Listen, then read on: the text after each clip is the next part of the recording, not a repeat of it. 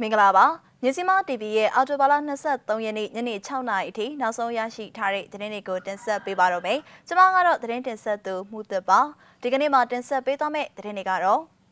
တောင်ဝင်မြို့နယ်မှာစီပင်ကအခွန်တွေလိုက်ကောက်နေတဲ့သတင်း။တန်လျင်မှာစစ်ကောင်စီရဲ့လုံခြုံရေးတပ်စခန်းနဲ့စစ်ကောင်စီတပ်ဖွဲ့ဝင်တွေစီးနင်းလာတဲ့ကားတိုက်ခတ်ခံရတဲ့သတင်း။ မတူပီစစ်ကောင်စီတပ်ကို CDF အဖွဲ့များဂျာဖြတ်တိုက်ခိုက်ပြီးစစ်ကောင်စီဘက်မှ9ဦးသေဆုံးတဲ့တဲ့စစ်ကောင်စီရဲ့ညွှန်ကြားချက်နဲ့မန္တလေးစေးချိုပြန်ဖွင့်ပေးမယ်စိုင်ဖွင့်ရောင်းချသူအနှဲငယ်သားရှိတဲ့တဲ့အစရှိတဲ့တဲ့တွေကိုတင်ဆက်ပေးသွားမှာပါဦးဆောင်တဲ့ကတော့ရန်ကုန်တိုင်းကတဲ့ပါ ရန်ကုန်တိုင်းဒေသကြီးတောင်ဝေမြို့နယ်ကြိုက်ကစံလမ်းမကြီးတလျှောက်ကဆိုင်ကန်းတွေကိုဒီကနေ့မနက်ပိုင်းကစပြီးစီပင်ဝန်ထမ်းတွေကရဲတပ်ဖွဲ့ဝင်တွေနဲ့လုံခြုံရေးရှုပြီးအခွန်နေလိုက်ကောက်နေပါတယ်။ရဲတွေကအရှိကသူတို့မှလက်နက်တွေပါတယ်။အနောက်မှာပါလာတဲ့စီပင်ဝန်ထမ်းတွေကအခွန်လိုက်ကောက်တာပါ။ အခွန်ကတော့မြေကွန်တို့စီပင်ကွန်တို့ဖြစ်မယ်အိဆိုင်တွေရောကွန်ရဆိုင်လေးတွေပါမကြံဘူးအကုန်လိုက်ကောက်တာတွေ့တယ်တံမွေကတော့အကျယ်ကြီးပဲဆိုတော့ဘယ်ရီထိလိုက်ကောက်မလဲတော့မသိသေးဘူးလောလောဆယ်တော့ကြောင်မြောင်းစေးတလျှောက်ကောက်နေတာတွေ့ခဲ့တယ်လို့တံမွေမျိုးနယ်တွင်ကနေထိုင်သူတဦးကပြောပါတယ်အခေါ်မဆောင်ရင်ဆိုင်ရဲ့ဆိုင်ဘုတ်ဖြုတ်ပေးဖို့ပြောကြားတာတွေလည်းရှိကြောင်းဆိုင်ပိုင်ရှင်အချို့ကပြောပါတယ်။ ဒါအပြင်တောင်ဝင်မြို့နယ်ထဲမှာအခုရပိုင်းအတွင်းအတင်းအဓမ္မမီတာကကောက်ခံမှုတွေလည်းရှိတယ်လို့ရက်ကွက်နေပြည်သူတွေစီကနေသိရပါတယ်ရှင်။ဆက်လက်ပြီးတော့ရန်ကုန်တိုင်းဒေသကြီးတန်လင်းကသတင်းကိုတင်ဆက်ပေးပါမယ်။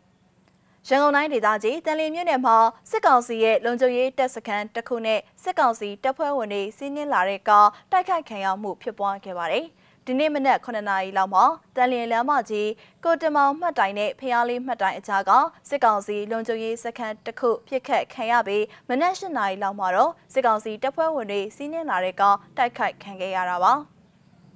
အဲ့ဒီမှတ်တိုင်နှစ်ခုကြားမှာသင်ချိုင်းတစ်ခုရှိတယ်။အဲ့ဒီနားမှာသူတို့လုံခြုံရေးစခန်းတစ်ခုရှိတယ်။အပြစ်ခံရတာတယောက်သေးတယ်လို့စစ်ကောင်စီလုံခြုံရေးစခန်းပြစ်ခတ်ခံရမှုနဲ့ပတ်သက်ပြီးတန်လျင်ဒေသခံတအုပ်ကပြောပါတယ်။စစ်ကောင်စီရဲ့လုံခြုံရေးစခန်းတိုက်ခိုက်ခံရမှုကိုဘယ်အဖွဲ့ကလုပ်တာလဲမသိရသေးပေမဲ့စစ်ကောင်စီရဲ့ကတိုက်ခိုက်ခံရမှုကိုတော့တန်လျင်ဒေသကာကွယ်ရေးတပ် TOPDF ကပြုလုပ်ခဲ့ခြင်းဖြစ်ကြောင်းအဲ့ဒီအဖွဲ့အစည်းကနေသိရပါတယ်။ ကြောက်တန်းမြို့ကနေတန်လီမြို့ကိုမောင်းလာတဲ့စစ်ကောင်စီတပ်ဖွဲ့ဝင်အ ਨੇ ဆုံး15ဦးခန့်စီးနင်းလာတဲ့စစ်ကားတစ်စီးကိုတန်လီမြို့ကြိုက်ခောက်ဖေရအလုံးနေပညာတက္ကသိုလ်တန်လီအနီးမှာ TOPDF အဖွဲ့ကပြစ်ခတ်ခဲ့ခြင်းဖြစ်ပါတယ်။ထမလောင်ကဖျားနာမှာစစ်ခွေးတွေလာတဲ့ကားကိုကျွန်တော်တို့ကပြစ်တာမနက်က9နာရီခွဲနဲ့10နာရီကြားမှာကြိုက်ခောက်ဖျားအလုံးမှာပေါ့သူတို့ဘက်ကတယောက်ကြတယ်တယောက်တန်ရပြင်းပြင်းထန်ထန်ရသွားတယ်လို့ TL PDF တပ်ဖွဲ့ရဲ့တာဝန်ရှိသူတဦးကပြောပါတယ်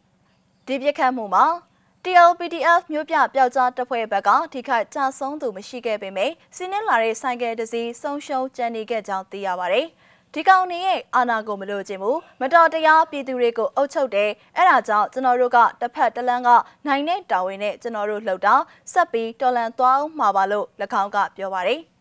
ကြားဖြတ်တိုက်ခိုက်ခံရတဲ့စစ်ကောင်စီတပ်ဖွဲ့ဝင်တွေဟာအဲ့ဒီနေရာအနီးတစ်ဝိုက်မှာရန်တမ်းပစ်ခတ်မှုတွေပြုလုပ်ခဲ့ပါတယ်။အဲ့ဒီနောက် အဲ့ဒီနေရာစီစစ်ကောင်စီတပ်ဖွဲ့ဝင်တွေထပ်ရောက်လာပြီးလမ်းပိတ်ဆို့စစ်ဆေးမှုတွေလည်းပြုလုပ်ခဲ့ကြောင်းတန်လင်းဒေသခံတအုပ်ကပြောပါတယ်။စစ်ကောင်စီတပ်ဖွဲ့ဝင်တွေအဲ့ဒီဘက်ကိုအများကြီးပဲသွားတာတွေ့တယ်။ဒဘကပ်ကား၅စီးနဲ့သွားတာတွေ့လိုက်တယ်လို့တန်လျင်ဒေသခံတအုပ်ကဆိုပါတယ်။ ဒီကနေ့မနက်ပိုင်းကလည်းဗုဒ္ဓထောင်မြို့နယ်မဟာဗန္ဓုလလမ်းမပေါ်ကမီးပွိုင်နာမှာရင်ထိန်ရဲယုံစခန်းတစ်ခုကိုရန်ကုန်ပြည်သူ့ကာကွယ်ရေးတပ်ဖွဲ့ S21 အဖွဲ့ဝင်တွေကတိုက်ခိုက်ခဲ့ရမှာစစ်ကောင်စီတပ်ဖွဲ့ဝင်၄ဦးသေဆုံးသွားကြောင်းကိုဒေသခံကာကွယ်ရေးတပ်တွေစီကနေသိရပါတယ်ရှင်။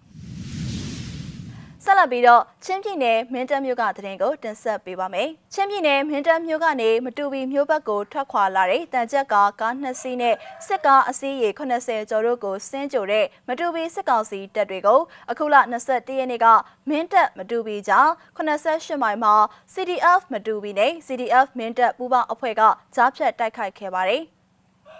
ဒီဖြစ်စဉ်မှာစစ်ကောင်စီဘက်မှ9ဦးသေဆုံးခဲ့ပြီးမိုင်းထိတန်ရာရရှိသူအများအပြားရှိခဲ့တယ်လို့သိရပါတယ်။အဲဒီတိုက်ပွဲဖြစ်တဲ့အချိန်မှာမင်းတပ်ကထွက်လာတဲ့တန်ချက်ကားကားနှစ်စီးနဲ့စစ်ကြောင်းရင်ထဲဟာ56မိုင်မှာလမ်းမြေပြိုမှုကြောင့်ပိတ်မိနေတာပါ။ရှေ့ပြေးချင်းလင်းစစ်သား150ခန့်ကမိုင်း80အထိရောက်လာပြီးစစ်ကူလာကြတယ်လို့သိရပါတယ်။ ပြီးခဲ့တဲ့အောက်တိုဘာလ14ရက်နေ့ကနေစပြီးမင်းတပ်ကထွက်ခွာလာတဲ့စစ်ကောင်စီတပ်တွေက23မိုင်မှာရှိတဲ့လူနေအိမ်တွေကိုဖျက်ဆီးခဲ့ပြီးဒေသခံတွေရဲ့နနောက်6ကောင်ကိုလည်းတပ်ဖြတ်စားတောက်ပြီးရိတ်ခါအဖြစ်ယူဆောင်သွားကြတယ်လို့လည်းသိရပါတယ်ရှင်။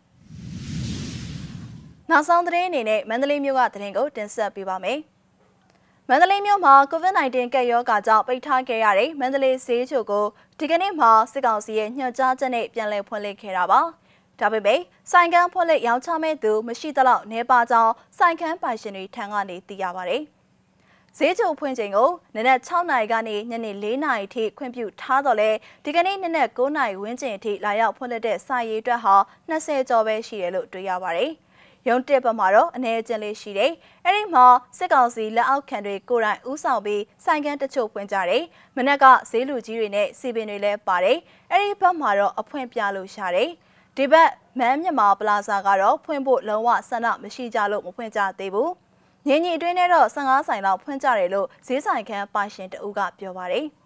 ။မြို့ရဲ့အဓိကဈေးကြီးတွေဖြစ်ကြတဲ့အစင်းမြင့်ဈေးချိုတော်နဲ့တိုက်တန်းကြီးဈေးရုံမန်းမြန်မာပလာဇာနဲ့ရတနာပုံဈေးတို့ကိုဒီကနေ့ကနေစပြီးပြန်လည်ဖွင့်လှစ်လုပ်ကင်ဖို့စစ်ကောင်စီကညွှန်ကြားခဲ့ပါတယ်။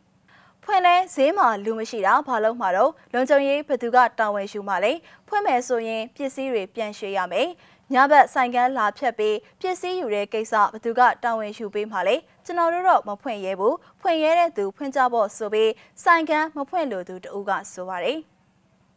ဈေးရုံရှိရုံဆိုင်ငံပေါင်း3000ဝန်းကျင်ရှိတဲ့အစင်းမြင့်ဈေးချိုတော်နဲ့တိုက်တန်းကြီးဈေးရုံအားအခုအခါမှာ COVID-19 ရောဂါကူးစက်မှုရောနေလာတာကြောင့်စစ်ကောင်စီကပြန်လည်ဖွင့်လှစ်လုပ်ကင်ကြရန်မကြာခဏညွှန်ကြားခဲ့တာပါ။ဒါပေမဲ့မီရှိုလူရက်ဖျက်ဆီးမှုခံရနိုင်တဲ့အနေအကြောင်းစံကိုင်းပန်ရှင်အများစုကပြန်လည်ဖွင့်လှစ်ဖို့အတွက်စိတ်ဝင်စားမှုမရှိကြဘူးလို့လည်းသိရပါတယ်ရှင်။